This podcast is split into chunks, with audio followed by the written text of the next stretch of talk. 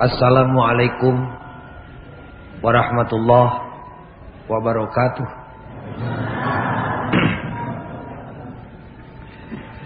Innal hamdalillah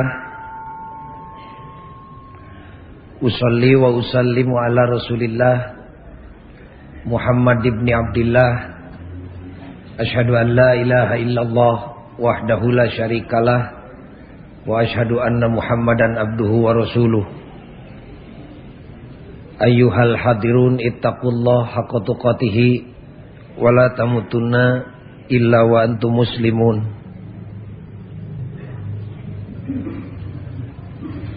A'udzu billahi minasyaitonir rajim.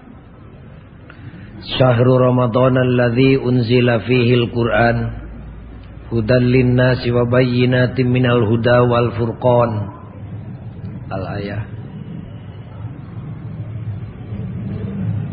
Ieu pangajian anu diluluguan ku para pamuda. Maksadna mieling eling Al-Qur'an. Anu lazim disebut nuzulul Quran. Maksudna rek ngaweuteuhkeun deui kayakinan urang kana Quran. Maksudna deui reksa sonoan urang jeng Quran. Ngarah hirup teka langsu di alam dunya supaya papangi jeng kabungahan di dunia jeng di akhirat.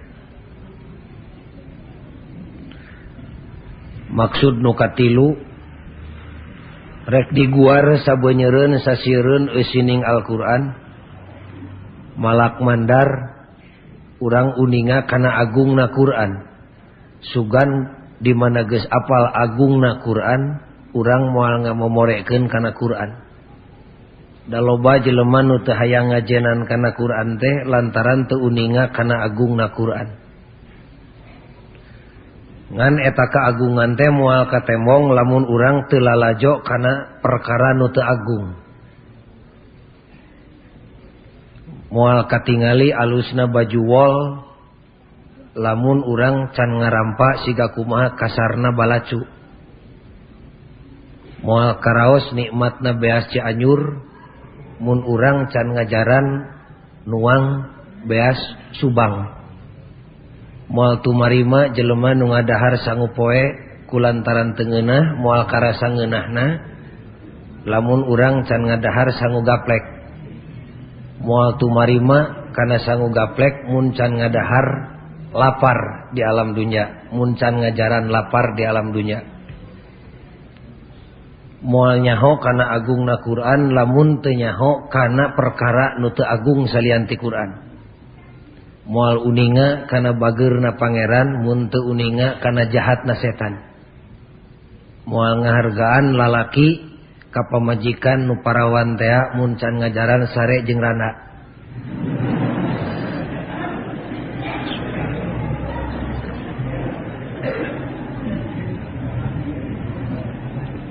Kusabab gitu Widian simkuring rekmawa para hadirin sadayana urang lalajo karena alam memeh Quran diturunkan da gampil ari masalah turuna Quran mah. Bulan puasa teh turun teh. Mangga urang lalajo karena situasi alam dunia samemeh Quran turun ke alam dunia alam dunya kagungan Pangeran Dina waktu Quran memeh diturunkan harita alam dunya teh Ker disileng leman kedua jago. Kitu bahasa Sunda nama lamun make bahasa Anurada luhur mah ketuangan budak ngora. Dunia pada saat Quran menjelang diturunkan tengah digagahi oleh dua raksasa besar di sebelah barat dan di sebelah timur. Dan watir kunini nini mun dikitu-kitu. Urang sunakeun we. Sekali deui alam dunia harita teh keur leman ku dua jago jago kulon jeung jago wetan. Jago kulon kokojona urang Eropa. Titik pusatna di Bizantium. Ken wen ini tong nanya ke naon tuam tiumna. Dah hese ari kudu dibubur ting mau omongan teh. Titik pusatna di Bizantium. Nu jadi motivatorna agama nu ngarojongna agama Nasrani. Dages kitu. jadi sunatullah tiap-tiap kurun tiap-tiap generasi di mana ayah hajat ngawangun teh mesti ayah agama nu ngarojongna. Model di Indonesia keur ngawangun ayeuna dirojong ku agama nu halal di Indonesia. Nu dihalalkeun ku undang-undang tilu agama gede. Kitu deui baheula. Wangsul deui titik pusatna di Bisantium agama nu ngarojongna agama Nasrani. Alam dunya belah wetan. Di Silengleman harita teh ku jago wetan. Titik pusatna di Persia. Iran ayeuna. Agama nu ngarojongna agama Majusi. Nu nyembah kana seuneu teh. Nu kamari ieu mah duplikatna seueur di Kuningan. ngan alhamdulillah aya nama ku pamarentah geus dilarang. Dua jago nu bersih tegang urat leher maksud nama hade pisan. Urang kulon jeung urang wetan hayang ngawangun alam dunya supaya jelemak sejahtera. Tapi kesejahteraan teh tedaikan bijil malah nu temong mah papaseaan. Pasea urang kulon jeung urang wetan. dogdag parebut bener. Melaan untung. Ke sararea ladang pasea tea atuh.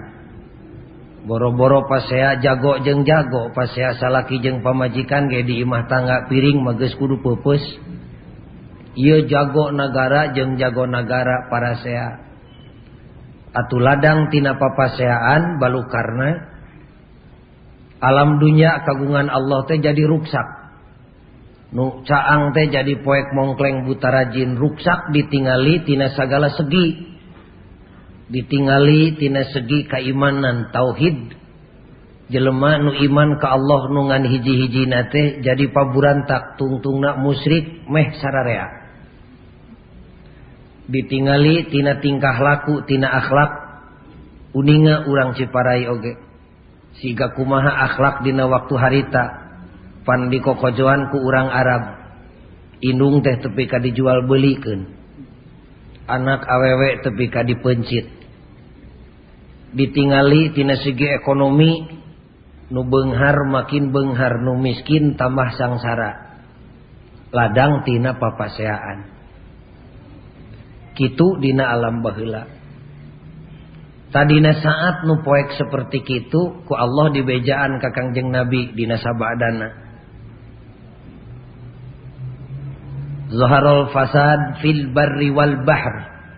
Timbul karuksakan di darat jeng di lautan hasil olah peta manusia. Bima kasabat aidinnas kuno paling termah dina alam harita teh disebutna abad kegelapan. Dina saat eta pisan gejrut turun Alquran. Pangeran nohonan kanajangjiina yen Robul alamin bakal nurunken lampu pikenyaangan alam dunya nu poek mongkleng teh nu ku leungeun jelema. pan Pangeran mah di mana janji teh jalir Innallaha la yukhliful mi'ad. Gubrag we Quran turun dina bulan puasa tanggal 17 Ramadan. bulan Ramadan disebut dina surat Al-Baqarah tadi syahrul Ramadan alladzi unzila fihil Quran. Tinggalian surat Al-Baqarah.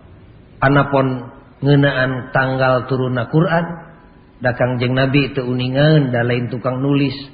Tanggal sabaraha Quran turun cek sahabat Nabi calik teu ngawaler gejrut turun deui.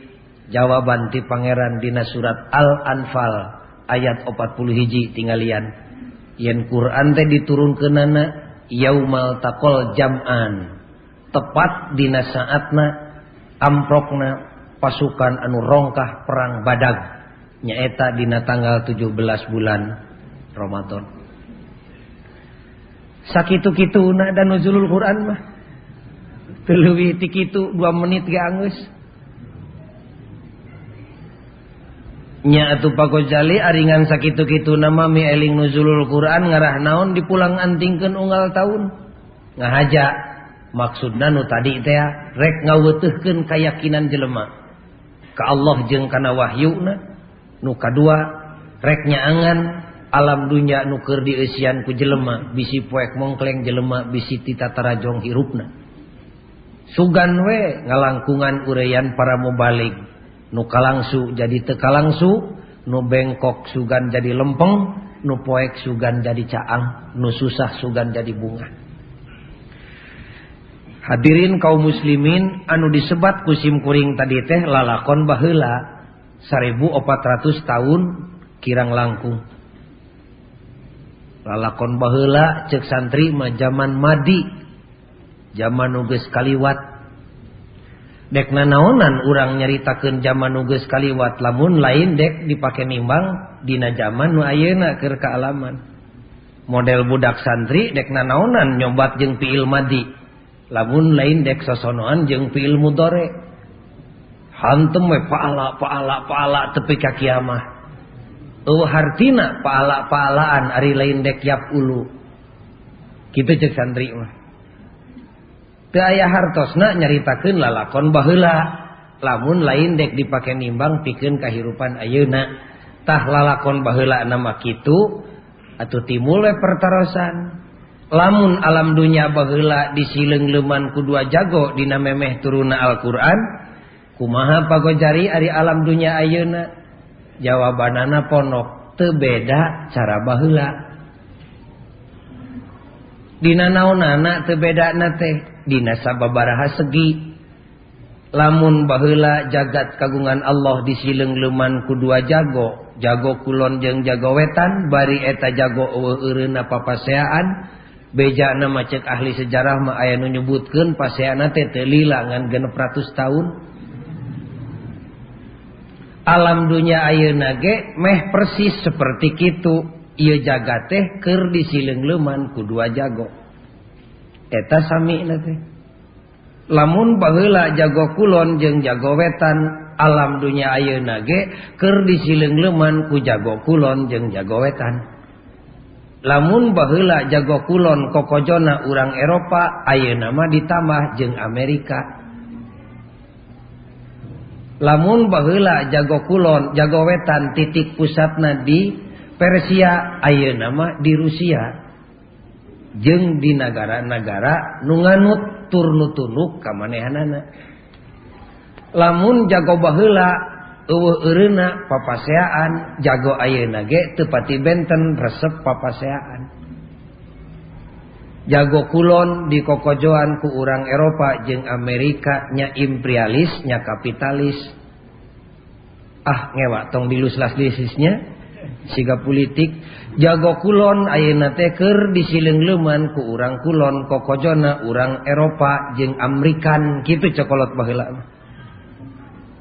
Ari imperialis jeung kapitalis jelema nu resep kiih dina sirah batur. Peda hirupna bala leunghar Ari jago wetan keur dikokojoan ku urang Rusia nya komunis nya imperialis. jelemak tepati Benghar ngan resep ngising Dina sirah Batur. Sarua we Dina hianat nama. Pedah urang kulon bala lenghar ngan resep ngajajah negeri Batur. Urang wetan jelemak tekasohor Benghar ngan sarua resep ngajajah negara Batur.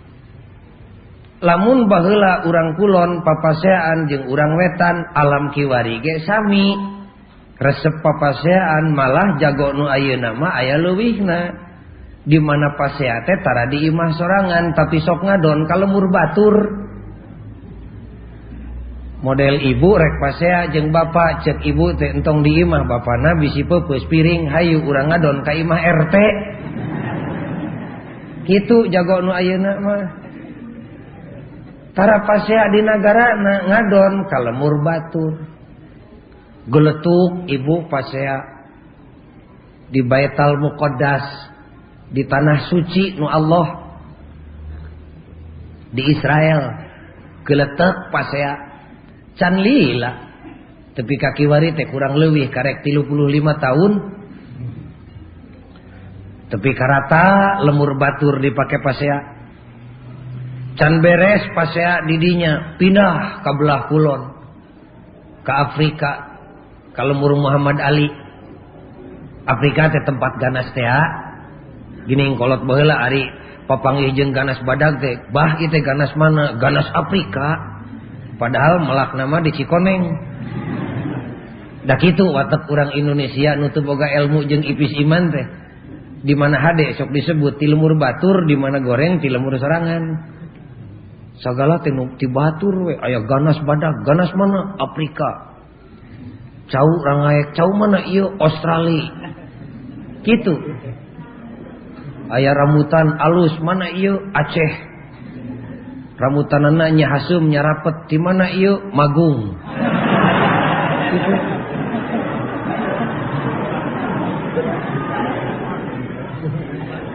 aya emme jangkung badak jabrig jeli nerbing mek mana? Iya benggala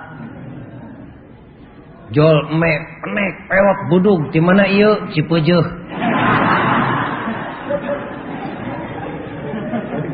eta teh disebutna minder wardah.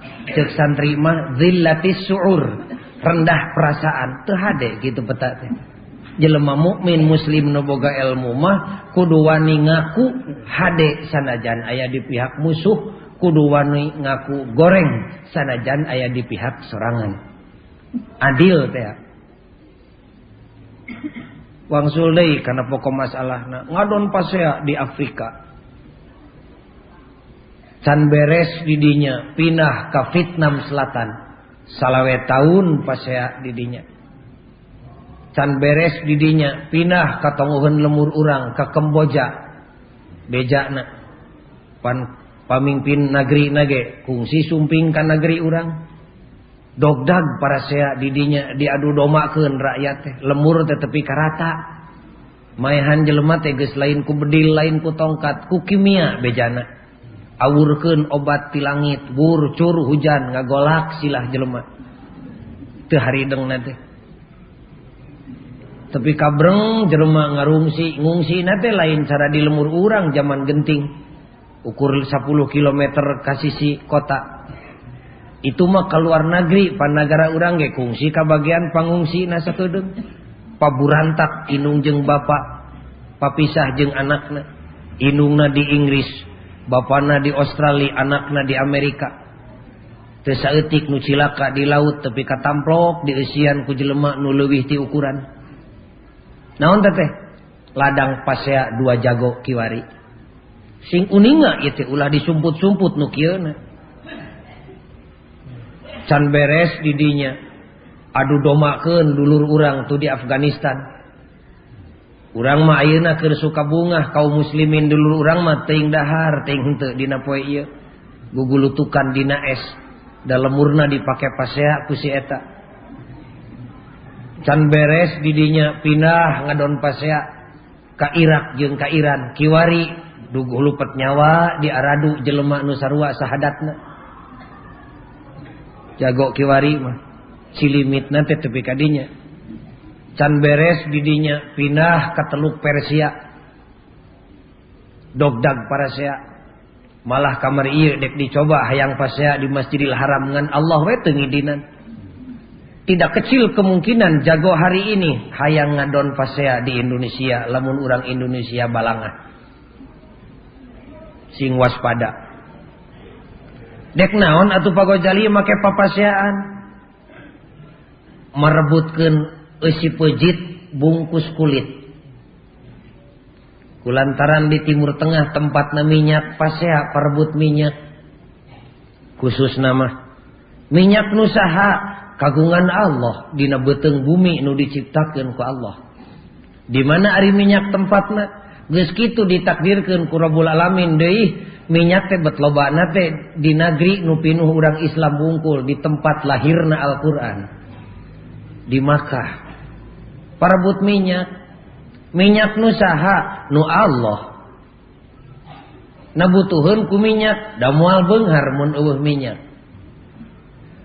Eta make parebut minyak kagungan Allah nah betul menta ke Allah boro-boro menta da teu percayaeun ka Pangeran oge.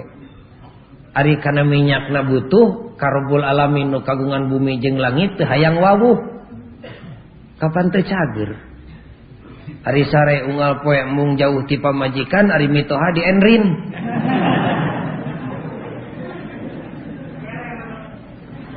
Siga hayam lisung teh hayam lisung pan sok ngahakanan telihnya. Telih teh pan gudang dahareun gara pek tinggal hayam lisung kecok-kecok kana telih atuh telih bolong mah pae. wawuhun ka pangeran mah. Cara jelema di urang we ayeuna ampir katepaan kulaku gitu teh. Di Bandung ayeuna jelema teh uh da kitu ciri maju ka modern teh jelema teh beuki betah di alam dunia teh. Mung balik kana asalna teh paeh teh pada mung. Di mana sagala babari teh. Galingging panas tiris meusan geus buru-buru ka dokter pan. Malah di Bandung mah ayeuna teh keur usum olahraga kolot budak.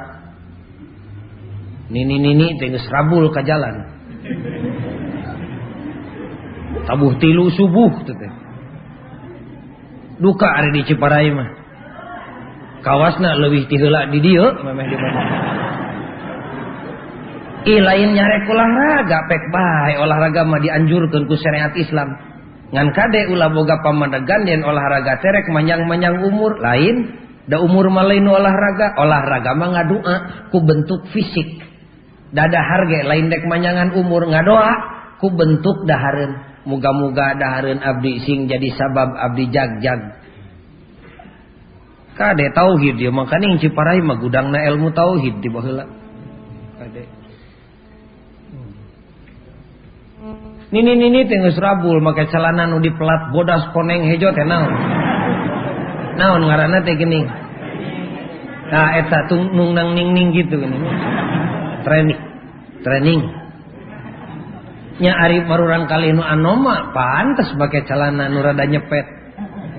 Ari nini nini mah. Aduh. Kabina bina puguh imit lagi geus pahili jeung jarami nu menang moe atuh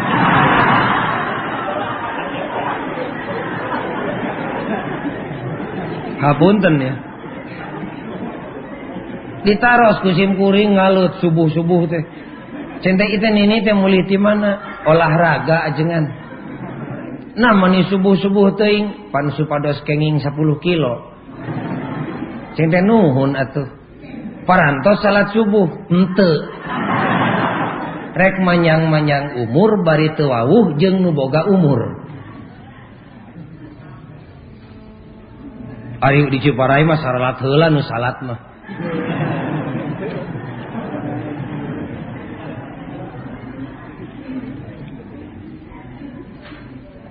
Kade bisi bisi lepat tanggapan majar simkuring nyarek olahraga. Dianjurkan ku syariat Islam sim kuring ge olahraga di rorompok meser sepeda tapi sing saimbang orang Islam mah Nah, iya mah boro-boro ingat karena wiridan, karena salat mah ge ingat. Kajleng keluar. Urang Bandung tapi kagitunya. Ari di dia mah leuwih.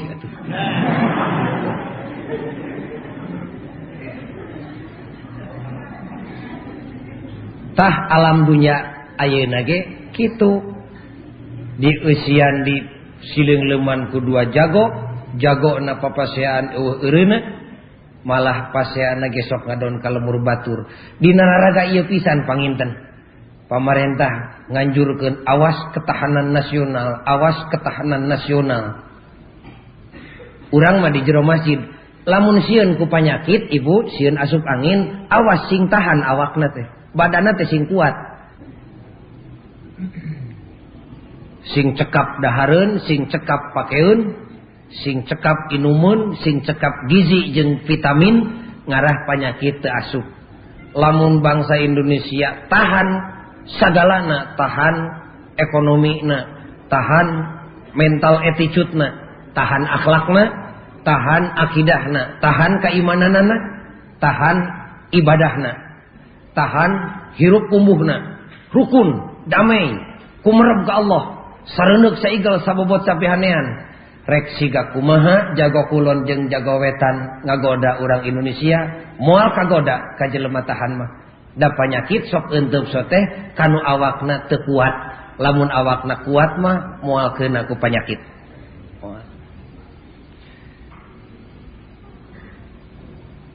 Kumargi sakitu lamun baheula Dina alam kagelapan nubahila Al-Quran turun pikeun memeres jagat. Gubrak lungsur ka Kangjeng nabi cek Allah Rabbul alamin. Muhammad pek gera beresan. Jagat nu kami nu menang kami nu bareto beres pingenahan jeng pigenahan ke manusia Ayeuna jadi ruksa. Pek beresan ku maneh. Kunaon Gusti meresanana? ieu ti kami alat-alat keur meresanana Al-Qur'anul Karim. Naon nu kudu diberesanana Sagala rupana. Nu bengkok lempengkeun ku maneh nu poek caanganku maneh nu kufur islamkeun ku maneh nu musyrik tauhidkeun ku maneh. Ieu alat-alatna Al-Qur'anul Karim. Ieu teh hidayah ti kami.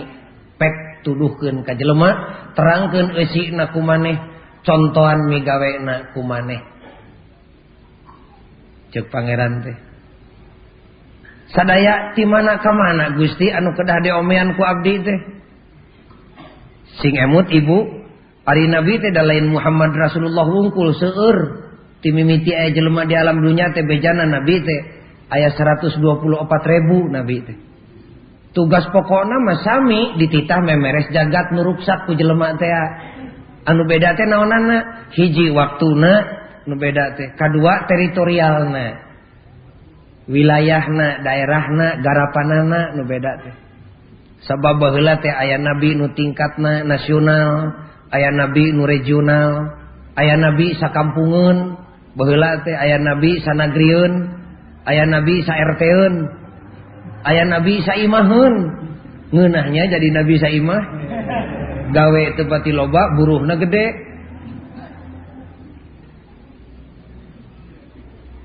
Cek Nabi Muhammad di mana ka mana anu kedah didang dosan ku abdi teh alam teh Gusti tong lega-lega teuing keur maneh mah Muhammad da kami teh teu nyieun deui nabi nabi maneh teh nabi panutup pek beresan jagat nu kami teh kumaneh sumun di mana ka mana tong lega-lega teuing. tiwetana semet paranti bijil panon poe tikulona semet paranti surup panon poe.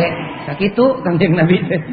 Bejaan tak barudak teh nusok nyebutkan oh agama islam mah eta mah agama orang arab dan nabi muhammad lagi orang arab. Pangbejaankeun ku nininya nabi muhammad mah pagaweanana teh tiwetana semet paranti bijil panon poe tikulona semet paranti surup panon poe. Ari senjatana al -Qur. Wa ma arsalnaka illa kafatan linnas Tersamata-mata kami ngutus anjen Muhammad ke alam dunia angin tumerap ka manusia sadaya. Kuma Gusti ari jelema anu ari makhluk nu aya di luaran dunia sanajan teu kadatangan ku maneh bakal kaambung seungitna jeung hikmat rahmatna maka tarima wa ma arsalnaka illa rahmatan lil alamin. Beresan we tukang jeung Nabi teu lila 23 tahun teh rengse beres roes. Nu susah jadi bunga nu miskin jadi standar nu beunghar jadi eling nu mukmin nu muslim jadi tauhid. Kumereb karobul alamin. Beres Kangjeng Nabi ayeuna geus eueuh, tinggal urang umatna kapalang jeblog urang teh geus iman ka Allah jeung ka Rasulna dabongan geus sahadat. Ku sabab sakitu pagawean Kangjeng Nabi meresan alam dunya teh tepa ka jelema nu geus sahadat teh. Aya dina taktak urang nu matat jelema nu boga ilmu teh disebutna ahli waris Kangjeng. Nabi lain narima warisan sawah narima warisan gawe.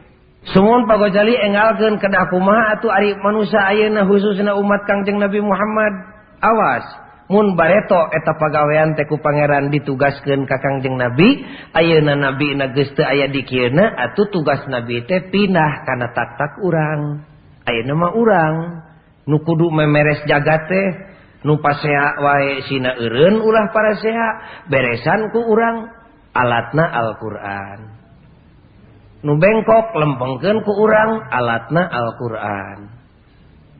Hmm. sumun atau Alquran nu mana? Tawayahna aya nama urang nuzulul Quran teh. Gejrut we Al-Qur'an teh turun sanes Quran nu ngageblug sa 30 juz turunna dina tanggal 17 Ramadan teh. Pada uninga dari dia ge pasantren malah nu hadirna ge itu santri unggul nu santri mah. Surat al-alaq teh nu mah pada apal sadarea gejrut weh cek alamin teh ka kangjeng nabi. Ikra baca kumaneh Muhammad. Naon Gusti nu kudu dibaca teh? Da urang ge lamun dititah teh pan meureun nanyakeun nya. Titah teh baca. Naon nu kedah dibaca ku abdi? Pek di mana jelema dititah pasti nanya kanu nitahna tentang sistem dan metode serta teknikna. Model bapak nitah ka putrana, gerak kawin sia kasaha? pan kitu meureun. Pek geradahar jeung naon? Nyai balanya ke pasar meuli naon? Setiap dititah pasti nanya. Mun teh mah maka urang ciparai ka para santri Ikra baca kumaneh naon gusti nu kudu dibaca teh? Numutkeun tafsir sepakat ahli tafsir nu kudu dibaca teh? Ayat ayat Allah. baca ku anjeun ayat-ayat Gusti Allah. Tabareto mah eta ayat teh ka Kangjeng Nabi ayeuna mah ka urang. Baca Muhammad ku anjeun ayat-ayat kami. Ayeuna ka urang baca urang Ciparai ayat-ayat kami. Naon ayat teh? Tanda ayat teh. Ciri. Simkuring gaduh tatangga kabungkur ayeuna geus pindah ka Cicalengka nomor diajar salat ayam berhenti lu bulan mah. Giridik tengelek Quran karo rompok bari asak raraina pago jali bohong ajengan TKB oge. Cenah aku mah Pak? Majar Quran teh genep ribu genep ratus genep puluh genep ayat. Bapak meyakin waktu sebulan milang ayat Quran. Ternyata Quran teh lewih ti genep ribu genep ratus genep puluh genep belenong. Damarukan ayatin ubaluner teh ah, dina Quran merenya gitu Alhamdulillahirabbil alamin. Belenong. Ar-Rahmanir Rahim belenong. Merukan eta meureun. Eta oge ayat. Hartina ayat teh ciri. Tanda. Ayat-ayat Allah teh tanda-tanda keagungan Gusti Allah. Baca ku anjeun tanda-tanda keagungan Gusti Allah. Ayat-ayat Allah naon atau tanda keagungan Gusti Allah teh? Naon atau ayat Allah teh? Sagala nu aya ge ayat Allah. Kapan kaum ibu ge ayat Allah tanda keagungan Allah? Wa min ayatihi an khalaqalakum min anfusikum azwaja. Awewe teh tanda keagungan Allah diciptakeun awewe teh diciptakeun lalaki ge tanda keagungan Allah. Ku agungna Allah jadi awewe jadi lalaki gunung ge tanda keagungan Allah. Suur ayat Allah teh. Hese di bilangan hiji-hiji mah beak waktu. Urang nyalindung we karena keterangan ulama gede mutaakhir.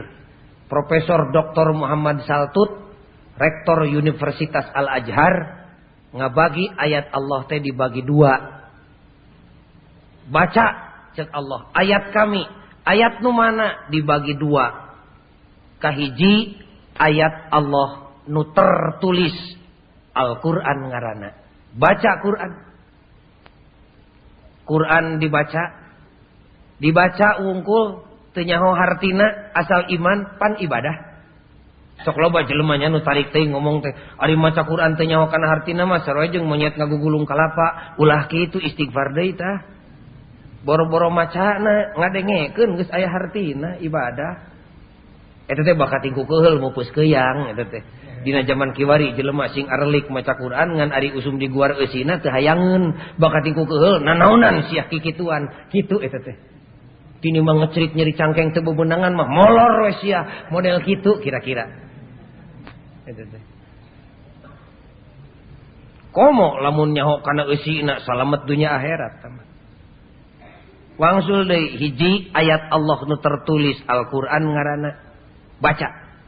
Kumaca Quran bakal lempeng hirup bakal salamet paeh babari hirup babari paeh bungah dunia bungah akhirat. Malah ayat keterangan pan jelema mukmin nu bisa maca Quran jeung nu teu bisa maca Quran gede bedana. Mukmin muslim bari bisa maca Quran sanajan teu nyaho kana hartina diupamakan lir ibarat bubuahan nu pelem amis. Jaba ngeunah jaba amis tur seungit. Ayeuna mukmin muslim bisa maca Quran mah. Ngan pedah goreng patut sorana. Karena hartina teu peti nyaho eta ge bubuahan. Ngeunah-ngeunah nama ngan pedah teu seungit pungkul. Mukmin muslim keneh ayeuna bisa maca Quran mah ngan teu nyaho kana hartina. Sorakna goreng laguna teu aya makhraj teu pati bener. Ngan pedah iman we daek maca mah. Eta ge buah ngan pedah teu amis teu pait mukmin muslim ti orok tapi ka deukeut kana liang kubur can nyaho alif bingkeng-bingkeng acan. Eta ge buah-buah nama ngabuahnya pahitnya bau. Baca. Nuka dua cek saltut ayat Allah teh ayat Allah nun tertulis ayat yang tidak tertulis. Naon buktina? Alam semesta. Gunung ayat Allah tanda keagungan Allah. Bumi jeng langit tanda keagungan Allah diciptakan teh. Awewe jeng lalaki tanda keagungan Allah. Laut tanda keagungan Allah. Sugri nu aya di alam dunia tanda-tanda keagungan Allah. Ikra baca ku anjeun ayat Allah nu henteu tertulis. Sakali deui kanu aranom baca ayat Allah nu tertulis Al-Qur'an ngarahnya ho salah jeung bener. Baca ayat Allah nu henteu tertulis alam semesta buktina baca tarjamahkeun ngarah gampang jeung babari hirup. Itu ikro teh. Cek santri. Ari alam dunia kagungan Gusti Allah teh ibu, teh iya iya dak jagat teh. Ku jelema dibagi dua. Di garis ku jelema teh garis teh garis ilmu we. Disebut teh garisna garis hatul istiwa. Dua manusia nungesian alam dunia teh manusia anak incu Nabi Adam belah kaler kokojona Eropa jeng Amerika teh anak incu Nabi Adam nungesian alam dunia belah kidul di kokojoan ku urang Asia urang contohna kitu ditakdirkan ku Allah di alam dunia teh. Anak incu Nabi Adam kaleren garis hatul istiwa urang Eropa jeng Amerika. Ku pangeran ditakdirkan leuwih ti heula palinter maca ayat Allah. Nu henteu tertulis tapi barodo maca ayat Allah nu tertulis kusabab gitu marehanehhanana babari hirupna. Ngan pedah tenyahun pibakelen hirup nuka dua kali. Tewau-wau acan di pangeran nunyaan Ari anak incu Nabi Adam kidulun garis hatul istiwa pala linter maca ayat Allah nu tertulis. Aduh salah mad gepan. Di hukuman haram ku ahli kiroan campur we lagu sikah ngagajleng kana rakbi pan seurikeun ku ahli lagu. Da palinter kana maca ayat Allah nu tertulis mah. Waduh. Malah dikorehan eusi nage teu meunang nolol ka jerona salah we ngucapkeun mudof mudof ilaih cek santri mah. Walah dicawadna ge. Jar majrur we tangah kaluhur. Waduh diseungseurikeun di Ciparai mah daerah pesantren. hmm. palinter urang Kidul mah maca ayat Allah nu tertulis mah maca Quran mah ngan ulah benu rada katingalen maca ayat Allah nu henteu tertulis kangomean-ngomean kompor kudu ngadaguan tukang patri we eta nu jadi masalah teh. Ku urang kaler mah ieu pamuda dibaraca alam teh. Tanuh dibaca dikali ke jero bijil minyak tanah jeung minyak bensin. Batu dibaca jadi semen batu. Tatangkalan tangkal haur tangkal karet dibaca jadi tetron. Budah laut dibaca jadi plastik. Kabulan-bulan dibaca kurang kalet eta teh dititah maca itu teh dititah ku Allah. Tapi hanya kalna masa etik we urang kaler teh tebisaun maca ayat Allah nu tertulis tewawuhun karena Quran. Ari urang Kidul nyobat jeng Quran ngan tewawuh karena ayat Allah nu teu tertulis. Banjir ge pan urang hese ngomeanana.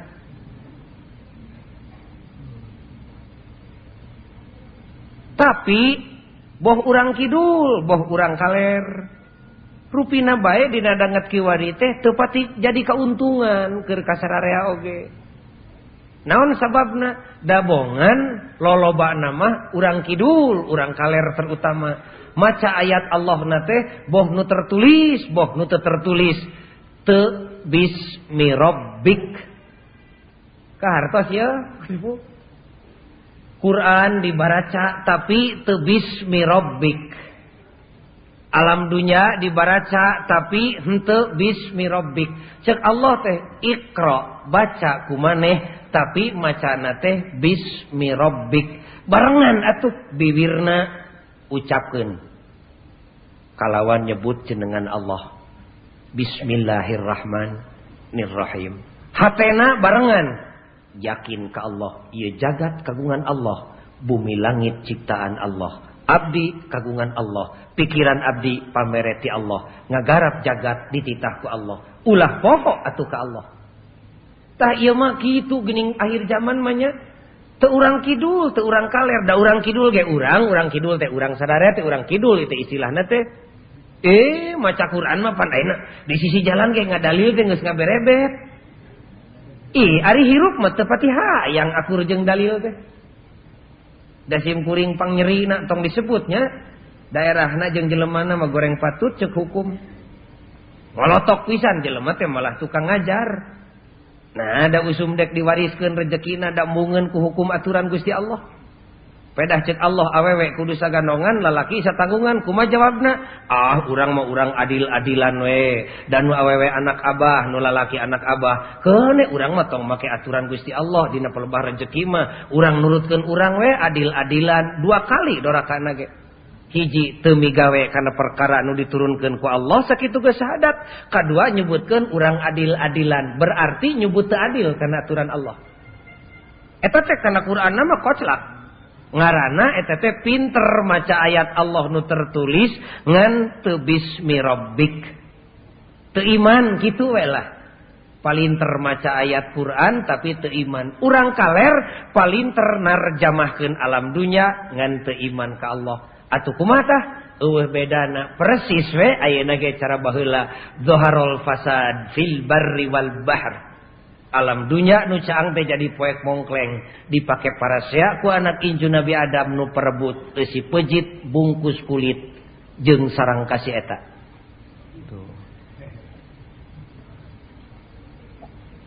Dina kesempatan anu mulia ieu tong pawas-pawas nu dibahas kusim kuring taya kajaba iwal tingajak.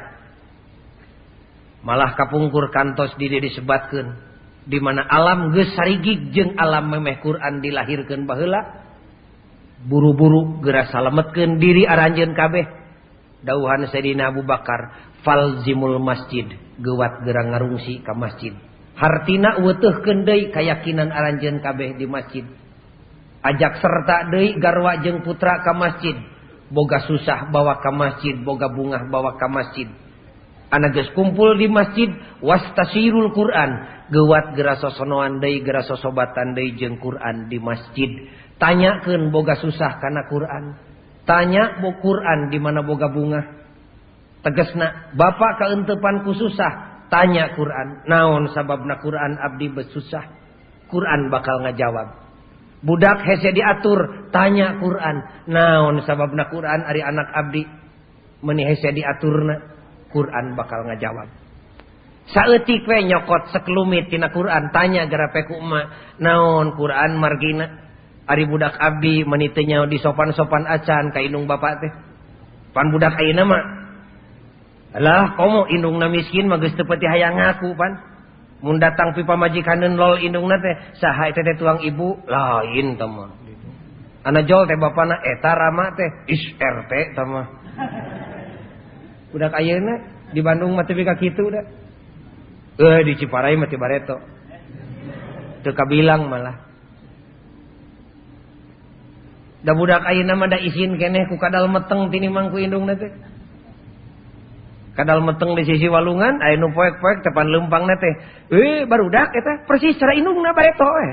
Persis. Dongkok teh dina kadal meteng mah punten punten nu kagungan di dieu. Nanu si eta gitu. Badai ngalangkung manipu puntenan da sieun nyeureud meureunnya ngalangkung kana pangambung ibu nama i di lengkahan we.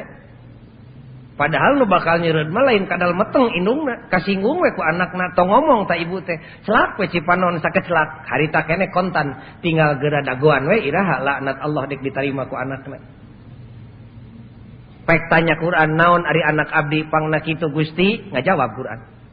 Innama amwalukum wa auladukum fitnah. Minta tanggung jawab fitnah teh. Ibu jalinger maisan mengurus putra da rugi tujuh likur kali atau ibu. Di alam dunia gerama nggak urang emut. Urang nyanak satu aspek we pagawean kangjeng nabi teh memeres anak we lain nama tuh dah capek memeres jagat nu lega nama. Da rugi tujuh likur kali kagungan putra ayeuna. Lamun tegewat ku ibu disalametkeun dibawa serta ke masjid bari diwawuhkeun kana Quran. Ibu ngagegenol putra salapan bulan lilana. Ku Allah tapi ka disebutkan wa wasainal insana biwalidayhi hamalathu ummuhu wahnan ala wahnin. Adu glajer inung maneh teh. Ngandung maneh teh hese nangtung hese diuk. Borosot lahir ke alam dunya ngodang kocak dengek indungna kesang bijil sabulu-bulu. Tengah nang paeh disebut nagepan ngajuru. Gubrak di alam dunya wa fisoluhu fi amaini dua tahun Cipinarep ibu teh disadap ku putra teh. Tapi ka hese kulem hese barang tuang.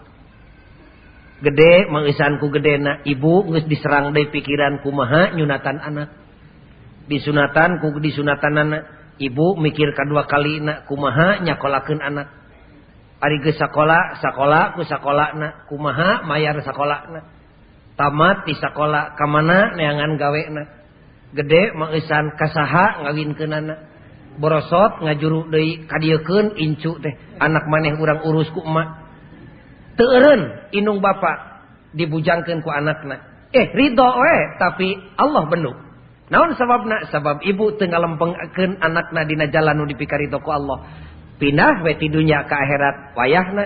Di alam dunya ibu dihesekeun ku anak jeung ku incu. Di akhirat dijejek bujur inung bapana kana neraka Allah. Oke bakal kapangi ayah hiji katerangan. Tilu jelema dicalonkan esi calon esi neraka. Sajelema nu dicalonkan nama. Oke dina panto hisab. Cek Allah maneh calon esi neraka. Indung jeng bapa maneh calon esi surga. Cek budak terido Gusti mun abdi dialungkeun kana neraka Gusti lamun teu bareng jeung pun biang jeung pun bapa. Cek Allah nama ke mamawa ka indung bapa maneh. wala taziru waziratu wizra ukhra. Inung bapa maneh maladang amal solehna surga bagianana. Maneh ladang amal salahna neraka cadanganana kumaha Kumacek budak, abdi gusti sadar. Abdi ge calon eusi neraka telantaran abdi di dunyana pinuh ku amal salah. Ngan gusti langkung uninga salah na jisim abdi telantaran abdi teu terang soleh. Tenyahona abdi kana soleh lantaran pun biang jeung pun bapa. can sakali-kali acan nuduhkeun soleh kajisim abdi. tepira ukur ngesian beteng abdi we jeng nyalametkan abdi bisi dihakan angin. Kul sabab sakitu tecerna abdi di alam dunya diantep kupun biang jeng kupun bapak terido gusti mun teu babarengan tiluan kana neraka gusti. Panjeng indungna nganter kana neraka. Jeng bapana jadi pangjajab darugi. Meungpeung can tepi kadinya. Bismillah ibu. Sanes pribados nyarek kaum ibu kaum bapak tong nyalametkeun ting dengen-dengen entong. Sanes kitu sanes. naon atuh urang ukur we kana tanaga urang? Urang berjuang di imah urang we meresan putra meresan garwa ngageuing caroge beresan. Tayeuna mengpengsasi siam da babari ngadidik anak teh ari make ilmu mah. Babari bulan puasa teh cek ahli pendidikan mah tas ibadah teh masa peka. Masa anu paling hade keur ngadidik budak. Giringkeun budak teh ku ibu teh. nunggus rada dewasa mangesan teh ka dia ujang nyai ka dia urang bareng yap buka jeng emak jeng abah. Peperihan di luar bulan puasa tuh bisa. Pek sina ngaberes. Pisahkeun pisah bapak teh bu. Gelas teh anak teh ulah sina kumawani karena gelas paragi bapak teh. Ima paragi bapak maneh iya paragi maneh. Sing singkil hidung teh ibadah teh teh. Naon teh maca ayat Allah teh nu tertulis jeng nu tertulis. Tak iya gelas haturan bapak Tak iya keur maneh, iya keur nyai, iya keur ujang. Ulah sing lalejeg. Cicing. Sing sopan. Gorowok adan kakara komano ku bapana. Ulah ngahuap paheula-heula sok kurang bareng ujang bismillahirrahmanirrahim Allahumma lakasumtu wabika amantu wala rizkika aftortu amdahar jadi kulit jadi daging beres tajil enam orang salat ujang pek adi maneh tupang wuduan ken pingpin ku maneh tuduhkeun bisi salah ngumah leungeunna di sampingan anakna. Sina make kampret Sina make kopeah. Lain wajib pakai kopeah ngan kitu sopan we keur urang Indonesia. Indungna make mukena amparkeun sajadah namun boga. Keun we magrib tong di masjid urang berjamaah di dewe ujang bisi kaburu lapar. Amparkeun samatna. Gorowok adan ku anakna nupang panggedena geus salat sunat kakara gorowok komat ku pamajikan ku indung barudak. Gerape rawaskan ku bapak dipangkomatkeun ku pamajikan. Bumi langit teh asa sorangan pakeur nu imam. Sora pamajikan qad qamatis shalah qad qamatis shalah. Nikmat kadengena. Ieu mah kaalaman ku simkuring dipangadankeun ku anak dipangkomatkan ku pamajikan. Aduh luar biasa. Direret teh ka tukang siga widadari rara ini teh. Nyak celakan sabulu-bulu teh. Irung nu teh kontan ngajangkungan ngabengbreng anak nu awewe dibelah kenca dihalangan ku indungna tengahen. Salaki dina tukangan persis anak nu lalaki dibelah katuhun bapakna Allahu Akbar karasa agungna Allah tengangkatkan lengan. Ruku bareng sujud bareng ngadua di aminan didukung ku anak jeung ku pamajikan. Rabbana hablana min azwajina wa dzurriyyatina qurrata a'yun waj'alna lil muttaqina imama cek salaki. Kumaha cek pamajikan jeung cek anak. Amin. Ya Allah kabulkeun doa Bapak abdi Gusti. Kakara beres. Tong wakadar da geus tajil. Nying hareup salaki ka pamajikan. Nu dipingpin ku indungna teh anak tengah bengbreng caroge bapak nying hareup ka belah wetan. Ibu jeung putra nying hareup ka belah kiblat. Tong ngomong kedepruk bari make mukena ibu nyuuh kana lahunan carogena pok ngomong metode persuasif ngaranna lisanul hal syahidan entong ku omongan. Nyuuh kana lahunan caroge. Teu bisa ngomong mah teu bisa pidato. Tak celakeun cimata kana lahunan salaki. Baseuhna cimata pamajikan ngabaseuhan lahunan salaki bari haneut haneutna cimata leuwih seukeut tinimang keris nu nojos kana jajantung. Mun bisa pek bari sasauran. Sing tarik ngarah kadenge ku anak. Bapana hapunten abdi. Ti magrib kamari dugi ka magrib nu ayeuna. Rugi temen puasa abdi. Di alam dunia menang lapar di akhirat ukur ti jongklok. Da Allah gemal ngahampura mun jelema teu ngahampura hampura bapana. Entong ngitung ti mimiti kawin ti magrib nu kamari we dugi ka magrib nu ayeuna. Pamajikan keur ngomong kitu karawek mastakana ku bapak sila dilalajoanan ku anak. Drama yang sebetul-betulnya drama. Cekel mastaka garwana cek carogena kami nu kudu dihampura ku maneh teh mihukum maneh puluh-puluh tahun kami diukur bisa ngimahan we jeung maraban jeung makean. Da puguh kami ge sarua bodona can bisa nuduhkeun ruku sujud acan ka maneh teh. Sabab begitu indungna omat ulah ngadakwa kami jaga dina poe kiamah berat kami teh tanggung jawab teh. Da kudu ngumplang ku cimata saya mah imah. Kakara cengkat indungna ngareneng jeung bapana kadapruk anak nupang gedena nyuh kana lahunan indungna. Abdi mak nu kedah dihapunten ku emak teu kaetang jasa emak teh. Siga kumaha abdi tedek muda ridho Allah piraku Allah make ridho ka abdi upami emak teu ridho. Abdi sareng pun adi, abdi teh wakilan pun adi. Da kudu nyuuh kabeh paungku-ungku. Cimata juuh lain cimata nu murah, tapi cimata nu bakal ngondang rahmatna Allah. Kira-kira didinya Lailatul Qadar teh datangna moal salah kira-kira lamun Allah idin. Tanazzalul malaikatu warruhu fiha biizni rabbihim min kulli amrin salam. parantos ibu ngalakukan gitu seumur hirup sekali majeng anaknya asa encan asa nama da. Da boro-boro indung ka anak anak ka indungna, da ibu na ge. Ka bapana da terasa salaman lolobana nama. Boro-boro bulan puasa lebaran ge da terasa salaman. Osok lebaran mah osok. Bari ulungah elengeh era sorangan segala rupa. malah ayah kacingkuring di Bandung madalain tuh hoyong bagus jali salaman salaki teh. cek salakina abdi dalain tuh hoyong kabun bojo teh ngan ragab. Era. Eta teu naon ari era madalain wajib. Ngan bapak teu boga ganjaran nyontohan anak.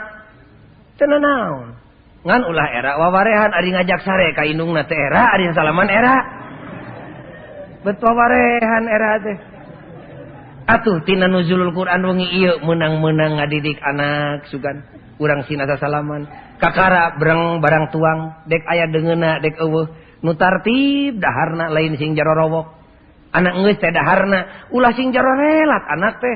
Ajenan tuh bapak jeung indung nu kolot teh. Nu huntuna tinggal dua nu daharna hararese. Ulah ditinggalkeun. Malah siap di anak nu awewe mah mawa saputangan. Gigireun gigiran bapakna. Indungna numang miceunankeun runtahna. nu ngadeketkeun gelas keur nginumna anakna nu awewe nu nyekel anuk kletikna atawa atau bisi bapak batuk tea bisi nyakslak kesang tea.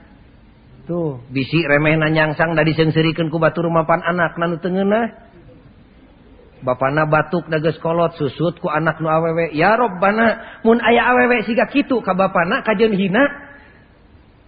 Saya kira dia akan lebih cantik ketimbang bidadari yang akan turun. Barangkali itu sebagai contoh bidadari dunia barangkali. Lebih ti bintang film. Bakal dihargaan ku pemuda. Kajian siga ada pemuda teh tengah hargaan. Jeng tengah nilai awak jeng rupana wungkul. Tapi tingkah lakuna. Tingkah lakuna. Atau apa muda agar pek tungtun bapana. Nu dianggap hina ku batur teh isuk dek jumaah atau dek taraweh ka dia ditungtun disangkeh ku anakna. Nu turun tina mobil bari dasi ngambai tur sirahna pinuh ku elmu. Nungtun bapana nu hina cek batur tea dek tukang macul dek tukang beca ditungtun. Da cacinge bakal nyingkah eraeun ku jelema kitu. Atuh kahayang umat Islam Indonesia teh Gusti heulaanan bisa-bisa ngurus anak. Memeh ngurus anak batur anak sorangan we. Bisi mung kaum ibu doakeun we sim kuring sing bisa ngurus anak sorangan. Nyapi aku ari embung mamurenya mata kadir kadia ge urang mimitian enjing pek subuh enjing-enjing cobaan salat bareng jeung bapak. Sareng pek. Malah saminggu sakali mah bapak teh kudu ngahajakeun salat teh ulah. Di masjid wae kudu di imah. Hiji dek kontrol tapi kapelbah mana. Bener jeung salahna salat pamajikan. Nu kadua rek ngadidik anak ku metode persuasif metode contoh praktek dakwahku perbuatan lain dakwahku omongan kinten-kinten para pemuda para sepuh ibu bapak tong panjang-panjang ting kurian jim kuring. Da target ngaji teh lain jam-jaman ka hartos atau henteu mun ka hartos geus urang cekapkeun we sakitu. Urang cekapkeun. Muga-muga ketepang deui jeung sim kuring. Entong lila ting boga umur teh hayang atuh 80 kali nuzulul Quran deui we teu naon-naon teu naon-naon.